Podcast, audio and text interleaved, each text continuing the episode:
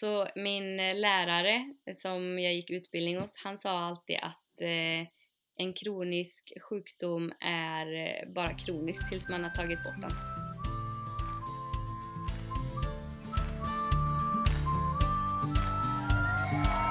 Låt dig smittas av glädje i podcasten som förgyller din dag. Välkommen till Glädjepodden med Sandra och gäster. Innan vi går in på veckans avsnitt av Glädjepodden som är en hälsoresa utan dess like som kommer göra dig inspirerad oavsett var du själv är någonstans rent hälsomässigt. Men innan vi går in på det och innan du får träffa Isabelle från Holistic Therapy så vill jag presentera Friggs som är Glädjepoddens samarbetspartners under oktober. Glädjepodden är ju någonting som förgyller människors dagar, men någonting annat som brukar förgylla människors dagar, det är faktiskt mellanmål. Och du känner säkert till de här ris och majskakorna som Friggs har. Och där finns det ju inga gränser för vad fantasin kan ställa till med för festligheter när det kommer då till mellanmål. Och jag tänkte att jag ska passa på och ge mitt favorittips just nu. Jag brukar så här snöa in på saker och just nu så är jag insnöad på att jag har som pålägg då kokosolja har jag som smör och så har jag potatis, rödlök, persilja, örtsalt och lite svartpeppar. Så var det ja. Kan verkligen rekommenderas. Men jag vill också rikta ett jättestort tack till Friggs som även är med och bidrar till glädjekalas som vi ska göra med Glädjefabriken nu under hösten. För att muntra upp de som behöver lite extra uppmuntran och på bästa sättet fira Glädjefabriken 10 år. Vill du komma i kontakt med mig, med gästen, med Friggs eller med Glimja som är med även denna vecka och ger 15% rabatt på hälsoprodukter så hittar du allt det här i poddbeskrivningen. Och med det sagt så lämnar vi nu över till veckans hälsoinspiration. Välkommen till Glädjepodden Isabelle. Tack så jättemycket och tack för att jag får vara med. Ja, vi får tacka Ida, en lyssnare som tipsade om dig. Åh, vad roligt. Vad glad jag blir. Jo, hon hade skickat in, det är kul för hon skickade in ett tips i helgen och så sen så nu så träffas du och jag här då bara ett par dagar senare så att jag högg direkt. Ja men gud vad roligt. ja. Nej men jag var inne på din hemsida då som hon skickade och då kände jag direkt att gud vad spännande det där vill jag höra mer om. Ja, så jag, jag ser fram emot det här. Ja. Hur är läget med dig just precis idag innan vi börjar gå in på din men... hälsoresa och hälsotipsen vi ska gå igenom och så? Ja, nej men jag mår jättebra idag. Eh, mm. Ja, det gör jag. Väldigt mycket bättre än vad jag har gjort i mitt liv kan man säga. Eh, så det känns ja. som att jag är mitt i livet nu där det ja, äntligen eh, känns väldigt bra. Mm. Ja, vad härligt. Och du har varit och föreläst för ett, gäng, ett pensionärsgäng idag också ja, om hälsa. Precis. Ja, då har jag pratat lite om kosten och vad man kan eh, göra där för att få in lite mer frukt och grönt i vardagen på enkla sätt och sådana saker. Så det är väldigt roligt. Det märks att det är eh, fler och fler som blir eh, intresserade av eh, kosten. Mer nu än vad det varit tidigare faktiskt. Ja men vad härligt. Mm. Och det är också så att man kan, det är som så lätt egentligen att bara föra in så att det blir lite bättre och så kan man ta som ett steg så att det blir lite bättre och så sen ännu lite bättre. Och så. Ja men precis, ja verkligen.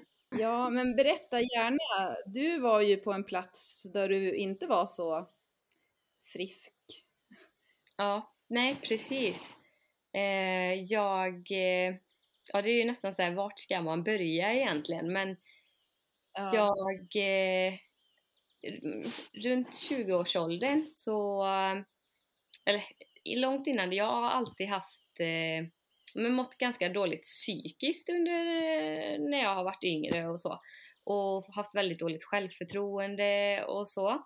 Och eh, när jag var 22 så eh, opererade jag in bröstimplantat och eh, det var liksom inget mer med det. Jag gjorde det, operationen gick bra och ja, det var inget mer med det. Och men några månader efteråt så började jag få allergier och jag började bli mer trött än vanligt och jag började känna mig mer sjuk, eller jag började känna mig sjuk hela tiden. Det var som att man alltid hade liksom, eh, ni vet som när man känner att man är på gång att bli sjuk hela tiden, så kändes det hela tiden. Eh, och jag hade pälsdjursallergi sen jag var lite yngre, fast bara mot katt. Och eh, månaderna gick och allting blev bara värre och värre hela tiden. Och jag började även få värk i kroppen, jag började få svårt att koncentrera mig, jag ehm, eh började bli känslig mot dofter, alltså parfymer, tvättmedel, eh, tvålar, schampo, bals, alltså alla sådana hudvårdsartiklar. Jag kunde inte ha det längre. Eh, och det blev liksom grej efter grej. Eh, och till slut så kunde jag liksom, fick jag reaktioner efter jag åt mat. Och ehm, jag gick till läkaren men ingenting var fel på mig, allting såg bra ut och det enda de såg på allergitesterna var att jag var allergisk då mot pälsdjur och damm och kvalster men maten visade ingenting. Eh, och då gick man ju därifrån med en liksom hopplös känsla för man kände ju att man mådde ju skit liksom men ändå så var det inget fel på mig. Eh, mm. Och jag fick, började få migränattacker och spänningshuvudvärk. Eh, men det var det ena efter det andra. Eh, och till slut så började jag få bölder i ljumskarna så att i, i, perioder så kunde jag knappt gå för att jag kunde inte ha kläder på mig. Det gjorde så ont, det var stora liksom varbölder. Och de hittade inget fel på mig ändå. Eh, ah, ja, vad var det mer? Alltså det började, jag började få svårt med andningen och jag utvecklade astma. Jag eh, började få en otrolig värk i kroppen som jag aldrig haft innan. Um, och eftersom jag inte fick någon hjälp från läkarna så började jag eh, söka lite alternativa vägar. Så jag testade homopater och jag testade naturterapeuter och eh, ja, men allt möjligt, kinesiologer. Och alla, det slutade med att alla sa till mig att nej, alltså vi vet inte vad vi ska göra. Det mm, kanske sitter något djupare trauma eller något som gör det för det, ja, det var liksom, alla gav upp på en. Eh, och jag var inte ja. den som liksom testade tre gånger och så bara nej det funkade inte. Jag gick verkligen där länge för jag ville ha hjälp, jag ville ju inget annat än att bli frisk. Ja.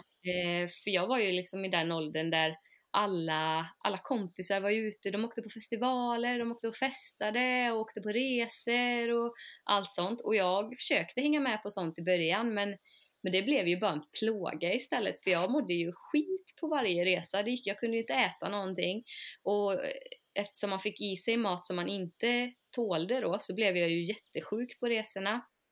Och eh, till slut så började jag gå, gå ner i vikt väldigt snabbt också.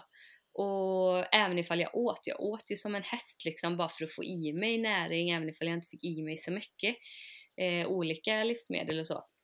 Eh, så till slut så klarade jag faktiskt inte av att jobba längre för eh, jag var så nedbruten och jag tappade mycket av håret. Jag vet att jag försökte liksom sätta upp håret med en hästsvans för att dölja kala fläckar på huvudet men, men det gick inte. Eh, och, och Plus att jag gick ner så mycket i vikt så folk började eh, ja, men påpeka det och säga att jag hade anorexia och ja, men, ja, det var jobbigt liksom och jag kände att jag kunde inte Ja, jag, jag, blev instängd istället för att det var jobbigt att umgås med folk. Plus att det var som att jag fick, jag fick sån otrolig hjärndimma och som att jag hade en bubbla, alltså som att jag var instängd i en bubbla. Att jag kunde liksom inte koncentrera mig längre på vad folk sa. Så jag hörde när folk pratade men jag kunde inte ta in det, så jag fick säga va? Va? Hela tiden. Och jag kunde inte läsa böcker eller se på TV. Um, ehm, och en dag så vaknade jag av att jag, alltså jag var så dålig. Jag kände shit, det här är inte bra. Det känns inte som min kropp orkar mycket mer. Uh, och jag hade liksom sån värk i kroppen och jag kunde knappt komma ur sängen längre så att och det var, vi bodde i en väldigt liten lägenhet eh, vid den tiden, så det var bara två meter mellan sängen och toaletten och jag fick liksom pausa däremellan för att kunna gå in där, så dålig var jag. Så jag ringde min Mm. mamma och hon, jag behövde inte ens säga att jag var att jag var så dålig, hon förstod direkt. Så hon bara, jag ringer till läkaren direkt och ser till så du får, eh, får en tid och så kommer jag hämta dig. Och då körde ju hon mig till vårdcentralen så fick vi träffa en läkare. Och de satte direkt EKG på mig och kollade, för nu då, när jag, eftersom jag hade så låg vikt, så tog de mig på allvar. Det hade de inte gjort innan, men så fort de såg att det var så, så tog de mig mer på allvar. Och då visade ju EKG att jag hade jättesvagt hjärta. Så han skrev ju bara en akutremiss för inläggning på um, Borås lasarett. Och det var liksom, Mm. ja, du får inte ens åka och packa dina grejer hemma, det får någon komma med, med till dig sen liksom. Du behöver åka in nu. Så vi åkte in dit och då kände jag liksom, ja men gud vad skönt, nu kanske jag får hjälp för första gången. Eh, för man hade ju varit där några vänder innan och alla säger ju bara att ja men det sitter i huvudet eller du inbillar dig liksom, för det, vi ser ingenting. Eh, men det var inte så som jag trodde det skulle vara. Jag och min mamma blev bemötta på ett fruktansvärt sätt. Tyvärr, tyvärr, tyvärr. Eh, läkarna, de sa i princip till min mamma att hon eh, var dum och naiv som tror på mig. Eh, för hon har anorexia, hon måste läggas in och tvångsmatas Nej. på en gång. Eh, och det var ju fruktansvärt, för, och jag stod ju, eller jag satt jämte och hörde när de sa detta. Eh, och mamma men bröt ju ihop. Ja, det var helt... Eh, Ja. Vi tappade hakan bägge två, för vi trodde vi skulle komma dit och få riktig hjälp och att de skulle lyssna på en, men nej, så var det inte. Och jag, alltså jag var så fruktansvärt dålig, så jag visste ju att gör jag det här, då kommer jag inte överleva. Då kommer jag Mm. ju antagligen dö, för ska de tvångsmata mig med saker som ger mig fruktansvärda symptom, det går inte. Det är inte den hjälpen jag behöver. Eh, så jag, alltså för första gången vid den här tidpunkten så kände jag mig ganska stark. Det kändes faktiskt som att jag fick någon hjälp från ovan eller änglar eller vad som helst. Jag vet, det kan låta flummigt kanske, men när man är så sjuk så börjar man till slut nästan att be, eh, för det är en sista hopp. Eh, så Ja. det kändes som jag fick någon inre styrka där och bara visste att jag kommer bli bra, men inte här. Jag måste hem, jag måste hem så får vi liksom söka vidare. Och eh, min mamma gick med på att köra hem mig och hon måste antagligen också känt det här för annars skulle hon aldrig lämnat sjukhuset med mig för jag var ju, jag var ju döendes nästan. Jag var ju jättesjuk. Ehm, Ja. Och vi fortsatte, vad ska jag säga, eh, min läkare på vårdcentralen, han var ändå väldigt fin för han trodde ju på mig. Så han, vi tog kontakt med han igen. Och jag ville ju bara träffa en dietist för jag tänkte någon som är specialist inom liksom, ja dietist borde ju kunna säga till mig ät så här mycket av det här, det, av de få grejerna du kan äta så får du ändå i dig tillräckligt med näring. För jag var så här, säg bara vad jag ska äta så gör jag det. Eh, så jag vet att jag överlever. Ehm, men jag fick ju inte träffa någon dietist för Borås lasarett stängde alla de dörrarna bara för att jag inte ville gå igenom eh, anorexiamottagningen. Och vårdcentralerna har inga dietister idag. Jag vet inte hur det är nu idag, men då hade de inte det. Eh, så Mm. den dörren stängdes ju. Och, men min läkare på vårdcentralen, han skickade remisser till Salgrenska och han kontaktade anorexiamottagningen personligen och frågade om de kunde göra ett undantag så jag bara fick prata med deras dietister även ifall jag inte var där i det syftet. Och eh, de gick faktiskt med på det. Men de höll inte riktigt vad de lovade. Där blev jag än en gång bemött på ett väldigt dåligt sätt, synd nog. Ehm, de... Eh, Ja, jag fick ju gå igenom massa frågor och så för att se om jag hade anorexi eller inte, för de ville ju säkerställa så att det inte var så. Och eh, de höll ju med om att jag inte hade det när de hade sett alla mina svar. Men eh, de behandlade mig inte bra ändå. Det var som att de de ville få mig ändå att tro att jag har anorexia. Alltså även ifall frågorna och all svaren visade att jag inte hade det så ville de inte tro på mig. Eh, så det de sa till mig var bara att du vet väl att man, man blir inte speciellt smart av att inte äta någonting. Det var liksom det sättet jag blev... Ja, så att jag, jag tror jag gick dit tre gånger, sen kände jag bara nej, alltså jag blir bara, jag mår ju bara jättedåligt av att gå dit. Jag får ju inte den hjälpen jag ville ha ändå. Plus att de skrev ut, eh, det enda de kunde hjälpa mig med var att skriva ut näringsdrycker. Och de visste att jag inte tålde ja, allt jag hade skrivit ner. Ändå fick jag näringsdrycker som bara innehöll allt jag tålde, eller inte tålde. Så att jag vet, jag hade flera lådor som bara skickades hem till mig fast jag, kunde, jag kunde ju liksom inte använda det. Det var så konstigt. Men som tur var så kom jag eh, till Salgrenska specialistmottagning för allergier och sånt. Och där blev jag faktiskt bemött på ett helt annat sätt. De var jättetrevliga och de sa till mig att ehm, ja, du är absolut inte ensam om det här. Eh, vi har varit med om detta förut och det kändes ju jätteskönt för jag kände ju mig som den ensammaste människan på hela jorden eh, med alla, allt det här. Eh, och jag fick träffa dietister och de tog massa prover och gjorde allt möjligt. Så de kom ju fram till att jag har födoämnesallergier och eh, histaminintolerans och eh, överkänslighet. Och de var liksom, ja men det är inte konstigt att det inte syns på testerna. Det kan vara så när det är överkänsligheter och födoämnesallergier. Eh, och ehm, ja, trots det, att de var trevliga och så, så kunde de ändå inte hjälpa mig. Jag fick ju testa massa olika mediciner, men jag tålde ju inga mediciner heller. Så till slut så sa även de att eh, de inte kan hjälpa mig längre och deras eh, svar var också att du, eh, alltså tyvärr så kommer inte Försäkringskassan sjukskriva dig länge till heller. De brukar inte göra det när det är sådana här fall. Och, så det bästa du kan göra är att försöka hitta ett telefonförsäljningsjobb eller något som du kan arbeta några timmar om dagen hemifrån sängen. Eh, ja, det var deras eh, lösning och då var jag liksom 25 år. Så det var inte jätteroligt att höra det, för de sa att jag aldrig skulle bli frisk, att jag får acceptera läget. Eh, men som tur var så hade jag kommit i kontakt med en eh, man som eh, gör en speciell eh, behandling och jag kom i kontakt med honom på grund av att min sambos brorson fick narkolepsi av svininfluensavaccinet och Eh, han hade blivit hjälpt av honom. För de hade hittat honom i ett eh, forum på nätet där massa föräldrar hade skrivit att deras barn hade fått hjälp. Och han är faktiskt helt medicinfri idag. Så jag kände bara wow, Aha. om han kan hjälpa honom med det, då kanske det finns en liten chans att han skulle kunna hjälpa mig också. För jag hade aldrig hört någonting om just den här behandlingen innan.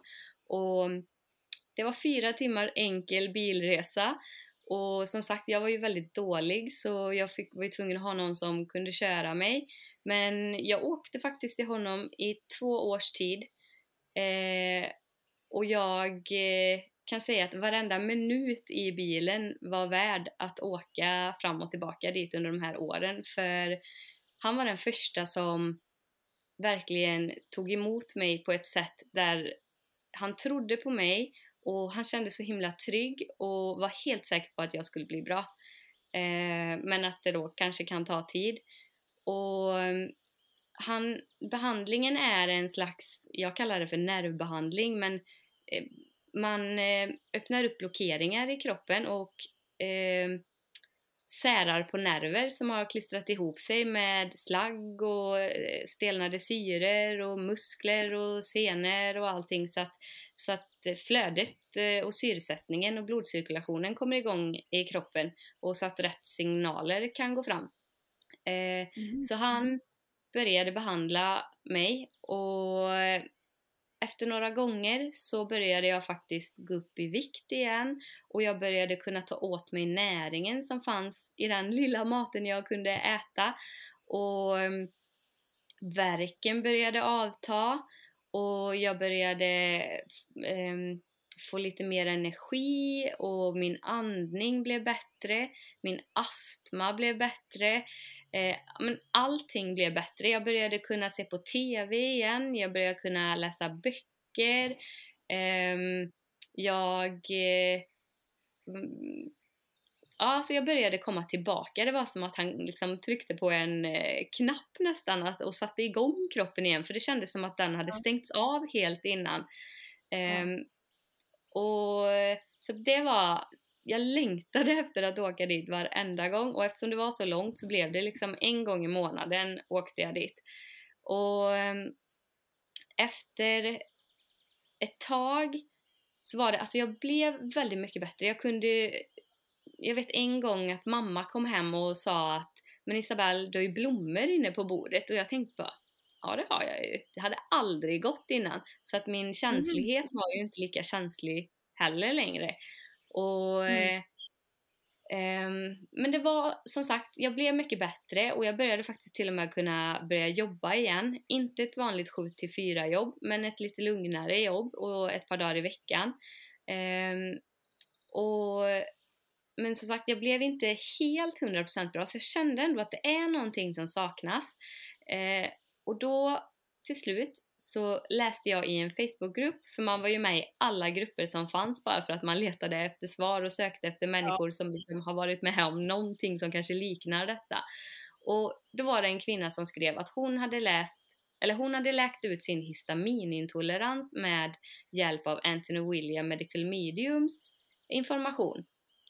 Och, så jag sökte upp direkt vad det var och bara kände att liksom, när man känner i kroppen bara wow det här är någonting liksom, som kanske kommer hjälpa.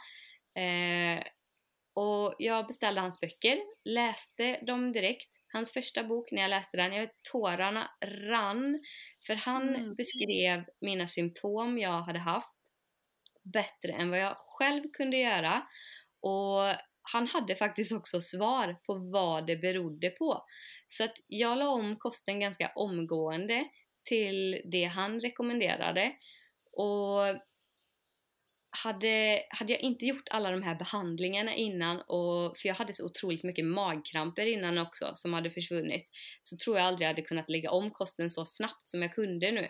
Men inom två månader så kunde jag äta alla grönsaker, alla frukter, alla rotfrukter eh, och innan det här, när jag var som sjukast, då tålde jag bara sex livsmedel. Då kunde jag äta vitt ris, isbergssallad, skalad gurka, gul paprika, eh, vilda blåbär och eh, solros rapsolja. Det typ skiftade lite vad jag kunde ha. Det var olika hela tiden för jag fick alltid lite reaktioner av det. Men mm. så från att kunna äta så lite så kunde jag liksom äta allt detta som jag sa. Så det var ju helt otroligt. Så tillsammans med den här mm. behandlingen och den här kosten så började jag återhämta mig på ett sätt som jag aldrig trodde var möjligt. Det kändes som jag började få livet tillbaka verkligen. Och jag blev så pass bra så att jag fick faktiskt gå utbildning hos eh, Stefan som gjorde de här behandlingarna. Så jag utbildade mig hos honom och startade upp mitt egna företag eh, och började jobba med det. Men Eh, under resans gång där så började jag sakta bli sämre igen.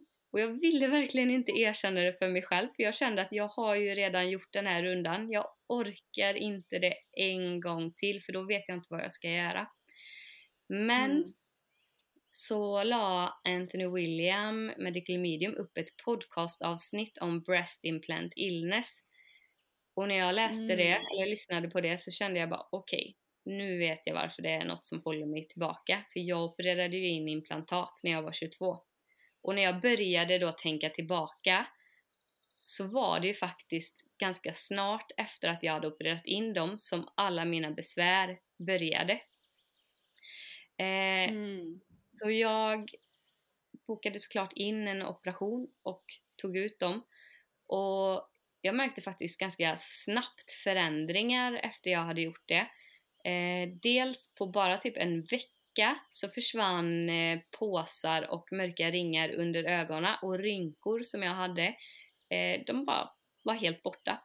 Eh, och precis innan operationen så var jag ganska dålig igen och då var jag så pass dålig så att jag kunde knappt ta promenader. Jag var helt slut i benen. Det var som att det bara blev mjölksyra och jag ville bara lägga mig ner efter några hundra meter. Men efter några veckor efter operationen så var det helt borta. Då var det som att jag hade fått kondition så när jag inte ens har tränat eller någonting. Jag kunde springa. Eh, verk som hade kommit tillbaka hade försvunnit. Jag hade fått migränattacker igen nästan varje dag. Det var som bortblåst. Eh, sen så har det, tog det väl ungefär ett år innan jag blev helt återställd efter eh, operationen. Och då fick jag göra massa ja, men, reningar, alltså med kosten och sånt för att hjälpa kroppen. För det jag fick lära mig med det här var att grundorsaken är inte implantaten. Det är därför många som har implantat som inte har, eh, det är jättemånga som inte blir sjuka av det också. Eh, men har du underliggande problem som till exempel virus, bakterier och tungmetaller och sånt, då agerar implantatet som bränsle för det här så, och då kan det göra att det går upp i nya stadier och du blir väldigt sjuk. Så när du mm. opererar ut implantaten så är det viktigt att man ändå försöker, alltså man har ju tagit bort bränslet men man har ju inte tagit bort viruset och bakterierna som man har i kroppen. Så det har jag liksom fokuserat på att rensa ut. Så nu idag mår jag äntligen väldigt bra. Mm. Eh, mm. Med hjälp av alla de här grejerna. Så, jag ja. tänker också hur det att veta att man har virus och sånt. Det vet mm. man ju kanske inte. Jag tror att mycket sånt där bär man på eller utan att man vet om det.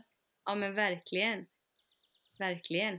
Och det, det vet man ju egentligen inte för det, det, jag jobbar ju mycket med den här informationen nu som eh, Anthony William pratar om och han pratar ju om att vi har mycket virus och bakterier och tungmetaller och andra gifter i kropparna och på det sättet mm. som vi märker det är symptomen som vi får. Eh, och beroende på vilken grad symptomen är så är det beroende på hur mycket av de här viruserna och bakterierna och vilka, alltså det finns ju så mycket olika sorter och allting. Eh, men att man faktiskt kan eh, bli fri från det genom att eh, rensa kroppen med det här.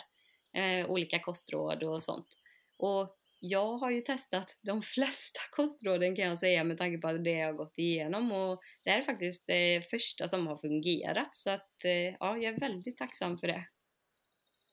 Ja, ja men Medical Medium, vi kan ju säga det till de som lyssnar att det, det är ju han som snackar om sellerijuicen, för det är många som har hört talas ja. om sellerijuice. Ja, och det är ju Ja, det är ju tydligen vad jag har hört så är det den första hälsokuren som aldrig har blivit marknadsförd men den ändå eh, har blivit så stor på grund av att det funkar så bra.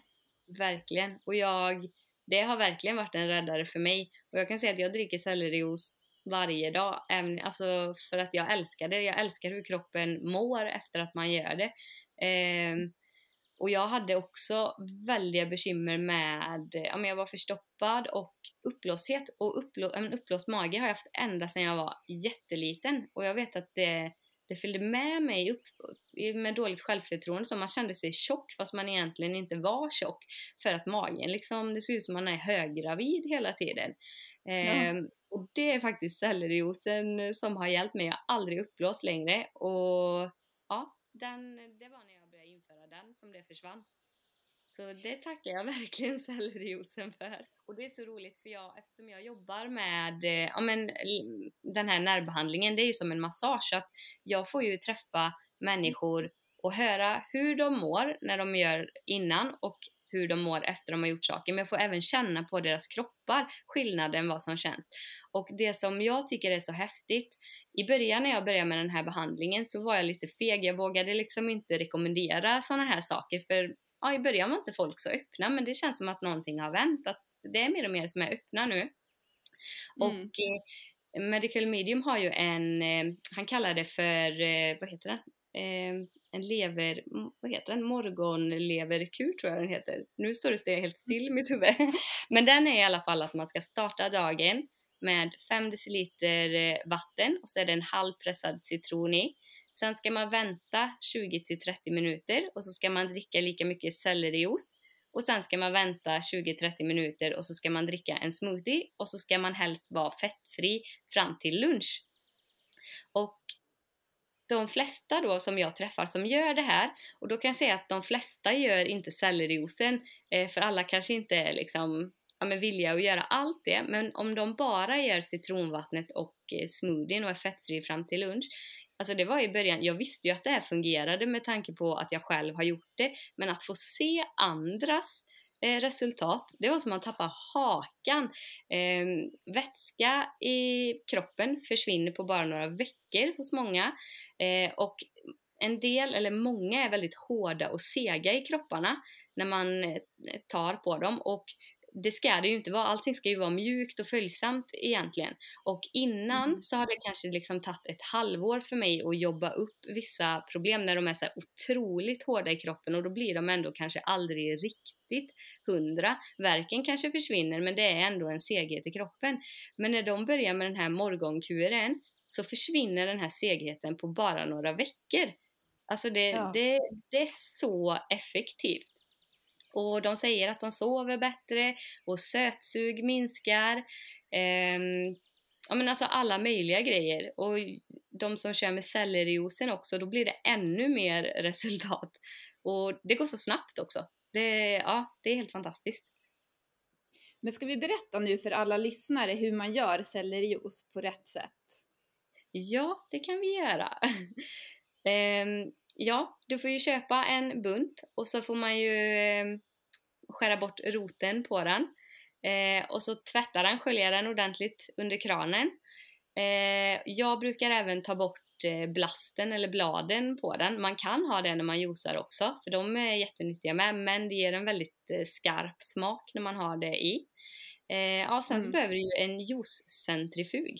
Eh, och då använder du den och juicar eh, sellerin. Eh, och sen så brukar man sila den efteråt också för man vill inte ha något kött i den, man vill att den ska vara helt ren liksom. Och man får inte hälla i citron eller vatten eller någonting för då tappar den effekten. Eh, det som man vill åt. Man kan göra, alltså vill du göra en annan juice där du ska ha till exempel äpple och selleri, det är också jättenyttigt. Men det, mm. det är inte ja, det är inte det vi vill åt nu. Nu vill vi ha, ha den rena sellerijuicen så att den verkligen kan gå in och arbeta i kroppen. Eh, så, ja. Nej men jättebra, alltså att man får veta exakt hur det är man gör ändå. För än om det kan låta ja, som att bara, ja, men, du juicar selleri, men... Ja, han säger ju att man ska ha, eh, vad blir det på, alltså om man översätter rätt Eh, eller från, direkt från engelska till svenska så blir det väl 4,8 eller 4,7 deciliter. Jag brukar säga 5 deciliter.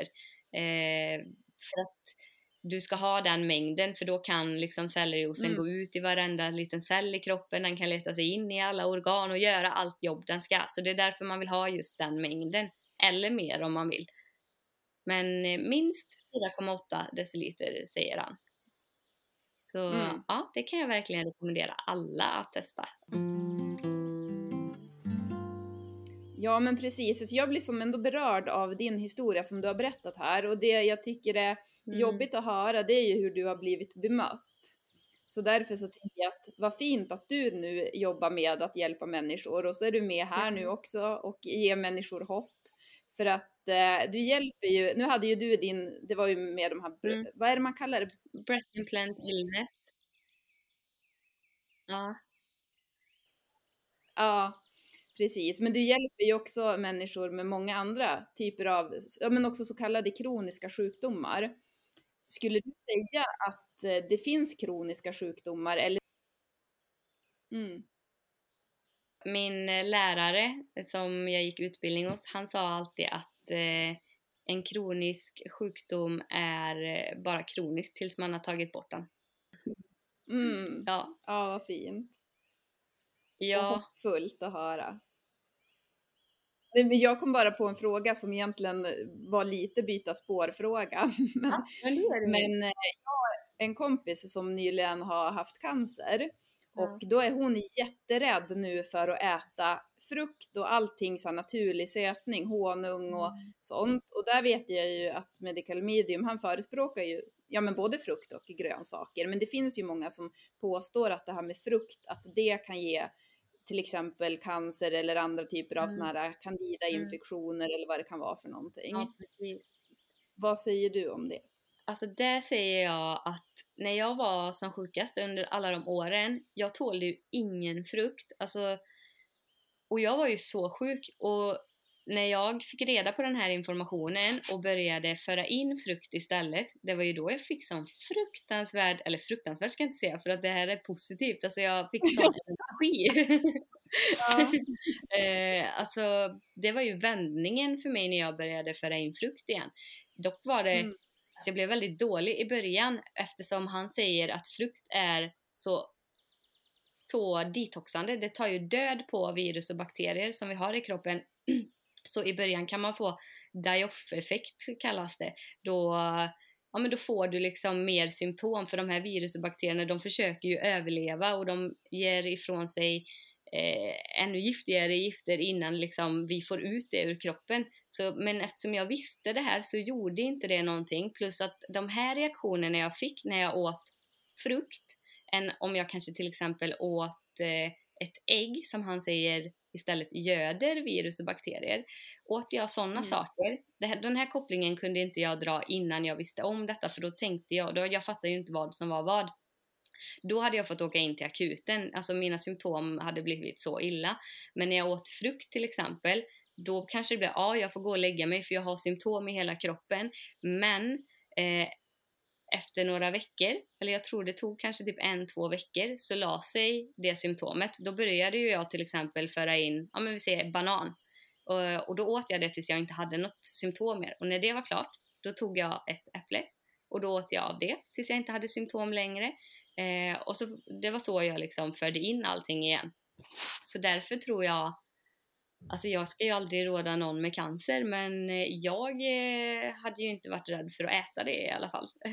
Jag tror inte det göder cancer som folk tror. Det tror jag absolut inte. Nej men det tror inte jag heller, men då går ju jag bara på magkänslan och då törs ja. man ju som inte säga, men det känns nej, nej, ju som precis. att just, alltså hjärnan är ju också, den behöver ju ha kolhydrater och den behöver ju ha ja, men sån naturlig sötning som till exempel frukt. Så jag tror ju personligen att precis. det är jättebra, men ja. ja man får ju själv, det får vi säga till alla lyssnare också, ni får ju ta eget ansvar och känna in Precis. själv. Ja, ja men verkligen. Ja, det, jag berättar ju bara det som har hjälpt mig här. Ja. Mm. Ja, men om man då sitter och lyssnar och så har man kanske inte så någon allvarligare, men man kanske ändå känner att man vill bli lite piggare och mm. det är många som känner så, särskilt ja. när det börjar bli höst och vinter. Mm. Har du några generella tips då? Alltså jag skulle säga det absolut bästa tipset som gör att få, eh, som folk får mer energi som jag märker, det är att börja med den här eh, citronvatten och i alla fall smoothien. Och så vill man gå ännu mer all in, ja kör sellerijuice med. Men citronvattnet och smoothien, eh, det gör att man får jättemycket energi för då får kroppen börja med liksom att ja, men den får börja med lite lätta saker som eh, den kan arbeta med och skölja ur eh, kroppen eh, istället för att man kanske äter massa fet mat. Eh, då blir det istället att, för det är ju levern som får ta hand om allting och jobbar med allting. Då blir det istället att det byggs på i kroppen, lite som en soptipp. Eh, och då blir det ju till slut överbelastat. Så därför är det så himla bra att börja morgonen så här. Så jag, det är faktiskt mitt, eh, mitt bästa tips om man vill bli piggare. Eh, och sen så kan det ju vara viktigt eh, nu på hösten ja. och vintern och verkligen, ja men kanske lite extra C-vitamin, zink, B12, lite vitaminer och mineraler. Ja, D-vitamin kanske? Ja, det kan man också ta. Jag jag kan flika in här då att vi har en tävling nu här under oktober där man kan vinna D-vitamin och magnesium från Bättre hälsa. Och det man gör då, det är att man går in på Facebook. Där har Glädjepodden nu en ganska nystartad grupp som heter Glädjepoddens vänner. Och eh, om man går in där och delar med sig av någonting som man själv tycker är glädjefyllt så kan man vinna. Så då varje vecka så drar vi en vinnare därifrån. Kan ju vara till exempel att man lägger ut en bild på sin sellerijuice eller man lägger ut en bild på, man skriver någonting kul som har hänt eller en bild på sin sitt djur, ja, vad som helst. Någonting som är glädje i alla fall. Gud vad roligt. Ja, perfekt. Mm. Ja, och jag såg förresten, på tal om glädje och att du hade haft, eh, du nämnde ju att du hade haft pälsdjursallergi tidigare, men jag såg ju en hund där i bakgrunden. Ja, precis. Det, jag har lite kattallergi fortfarande, men det, katt har jag ju haft sedan jag var liten så det tar lite längre tid att få bort. Men alla andra pälsdjur är eh, borta. jag kan ha, så nu har vi hund, katt och hästar och allt här hemma. ja, ja vad roligt. Den här smoothien, mm. vad innehåller den? Oj, den här man... glädjesmoothien som vi ska nu dricka på morgonen. Ah, mm. eh, hmm, alltså, jag tycker ju att eh, man ska ju självklart ta det man tycker om, men eh, jag har ju en favorit eh, och det är ju en eh, tungmetallsmoothie heter den. Och den innehåller bananer och blåbär och faktiskt koriander. Det är ju många som kanske inte tycker om det, men man vänjer sig. och man kan ju utesluta det om man vill. Eh, spirulina, eh, korngräsjuicepulver och dulce heter det. Och apelsin. Mm. Den är jättegod att dricka. Och om ja. man eh, vill ha något annat alternativ så är det väldigt gott att dricka med eh, mango, ananas och banan. Eh, ja, och lite vätska, kanske kokosvatten eller vatten i också. Det blir också jättegott. Så någon av de mm. alternativen mm. kanske?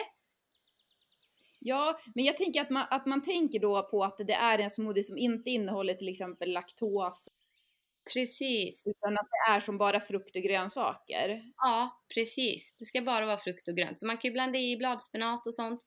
Och helst inte, det ska inte vara heller, om du, vill ha, om du ska dricka den på morgonen så vill man ju inte att den ska innehålla för mycket fett. Så inga nötter och fröer eller nötsmör eller mandelmjölk eller något. Det ska inte vara något sånt. Inte avokado heller, även ifall de sakerna är, kan vara väldigt nyttiga också.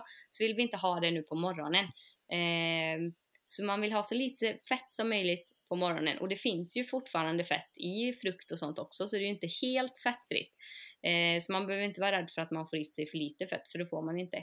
Eh, men ja, rena frukter och grönsaker och bär skulle jag säga.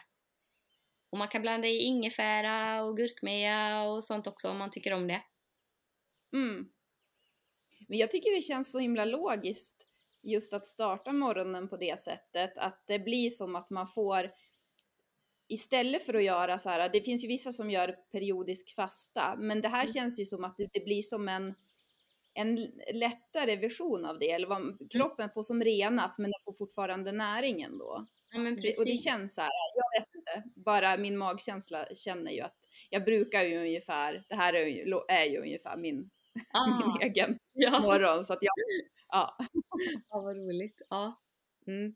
ja, men jag håller med dig och jag tycker att de flesta jag eh, möter som testar det här, som kanske till och med är lite skeptiska, jag har nog aldrig, jo kanske någon gång har jag kanske mött någon som ja, inte var så nöjd då, för de gillar inte konsistensen eller något man är van Men annars, de flesta ja, men vill liksom fortsätta för att eh, de känner att det är faktiskt både gott och de märker skillnad. Det blir ju en lättare känsla i kroppen när man äter sån mat. Man blir ju inte, man blir inte så tung i kroppen efter det. Nej, så känns det ju som att det är en bra start för att efter man har sovit så behöver man ju fylla på med vätska och så ja. får man göra det riktigt ordentligt. Ja, så. eller hur? Ja, men vad härligt. Då har vi fått, dels har vi fått hopp. Om det är någon som lyssnar som känner så här, mm. ja men som har någon sjukdom som känns lite extra jobbig så finns det hopp. Verkligen. Och eh, vi kommer lägga dina kontaktuppgifter också i poddbeskrivningen om det är någon som vill kontakta dig. Mm. Eh, men jag tänker att vi har också fått tips på hur vi kan eh, vara lite, bli lite piggare ja. under vintern. Men om man börjar känna då, för du nämnde ju också där tidigare, du vet det här när man börjar känna så här att man är lite sjuk, för så kan jag många gånger känna, jag blir som sällan sjuk, men det är ändå ganska ofta man börjar känna, man får lite den här obalansen. Ja, Vad, har du något tips där för att förhindra att det ska bryta ut någonting? Ja, då har jag faktiskt, det finns på min blogg på hemsidan med tre stycken chockterapier. Och det är ju från Medical Medium då, eh, som han har sagt. Och det funkar faktiskt, jag brukar alltid köra på det. Och den ena är vitlöksterapi. Och det har man ju alltid hört att vitlök är liksom, det är bra för en. Eh, men då ska man äta vitlök, tre stycken råa vitlökar om dagen. Så en på morgonen, en vid lunch och en på kvällen. tills du känner dig bättre. Och då kan man eh, finhacka den och så kan du lägga lite honung på en sked och så bara svälja det. Eller så kan du liksom mosa ner den i lite potatis eller i lite avokado så att du får i dig den utan att, eh, för det är ju väldigt starkt. Eh, så då får du i dig den lite lättare. Eh, så det är en grej. Mm. Och så finns det mm. något som heter zinkkockterapi och den, eh, då ska man ha flytande zink. Eh, och då tar du två stycken rör och droppar ner så långt bak i munnen som du kan och så håller du det där i en minut och så gör du det var tredje timme eh, under alla vakna timmar eh, tills, ja, i två dagar eller tills du känner att symptomet försvinner. Om det räcker med en dag så gör du bara en dag. Eh, så det och vitlöksterapin samt C-vitaminchockterapi finns det också. Och då tar du kapslar, två stycken kapslar och så lägger du det i eh, varmt vatten tillsammans med en pressad eh, apelsin och så dricker du det eh, ja, nu kommer inte jag ihåg hur ofta det var. Ja, så att, ja, eh, men ja. resten av C-vitaminchockterapin kan ni hitta på Instagram eller på min eh, hemsida. Allting står eh, med där. Ja, antingen kan man göra en av de här terapierna eller så gör man alla tre. Det går bra vilket som. Ja, ja men precis. Varför inte bara gå all in när man ändå... precis. Men vi, vi, brukar också skicka med en glädjeboost i Glädjepodden varje vecka. Någonting man kan göra under en veckas mm. tid för att bli lite gladare. Nu har vi varit inne på det här om hur man kan bli lite friskare och piggare och sådär. Men har du något annat ja. här, rent generellt glädjetips? Antingen för sig själv eller för någon annan. Hmm. Men kanske bara vara ute mer i naturen. Mm. Eh, det tycker jag gör att man får mer energi och blir glad. Eh, ja, och samtidigt som man kanske inför mer frukt och sånt. Jag tycker verkligen det är glädjeboost och, mm. och göra de här sakerna. Mm. Eh, så naturen mm. och sellerios och frukt. ja, vilken vecka! Jag blir glad bara på tanken. Ja. ta med mig ännu mera. Ja. Jag tror att jag måste höja lite, så jag tror inte jag dricker 5 deciliter av sellerijuicen. Jag tror jag måste öka. Okay. ja, ja, gör det. Du, har du någonting du vill tillägga? Mm. Nej men kanske bara att ge inte upp. Alla som letar efter svar och känner att det liksom finns ingen som tror på en eller att det är kört. Jag trodde det i så många år, men det var inte det. Alltså jag tror verkligen att det... Sök, fortsätt leta, för det finns ofta svar. Och ja, ge inte upp skulle jag säga.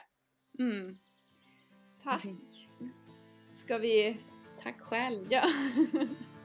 Ska vi säga glad hälsovecka då? Ja, men det gör vi. Ja. ja. glad hälsovecka.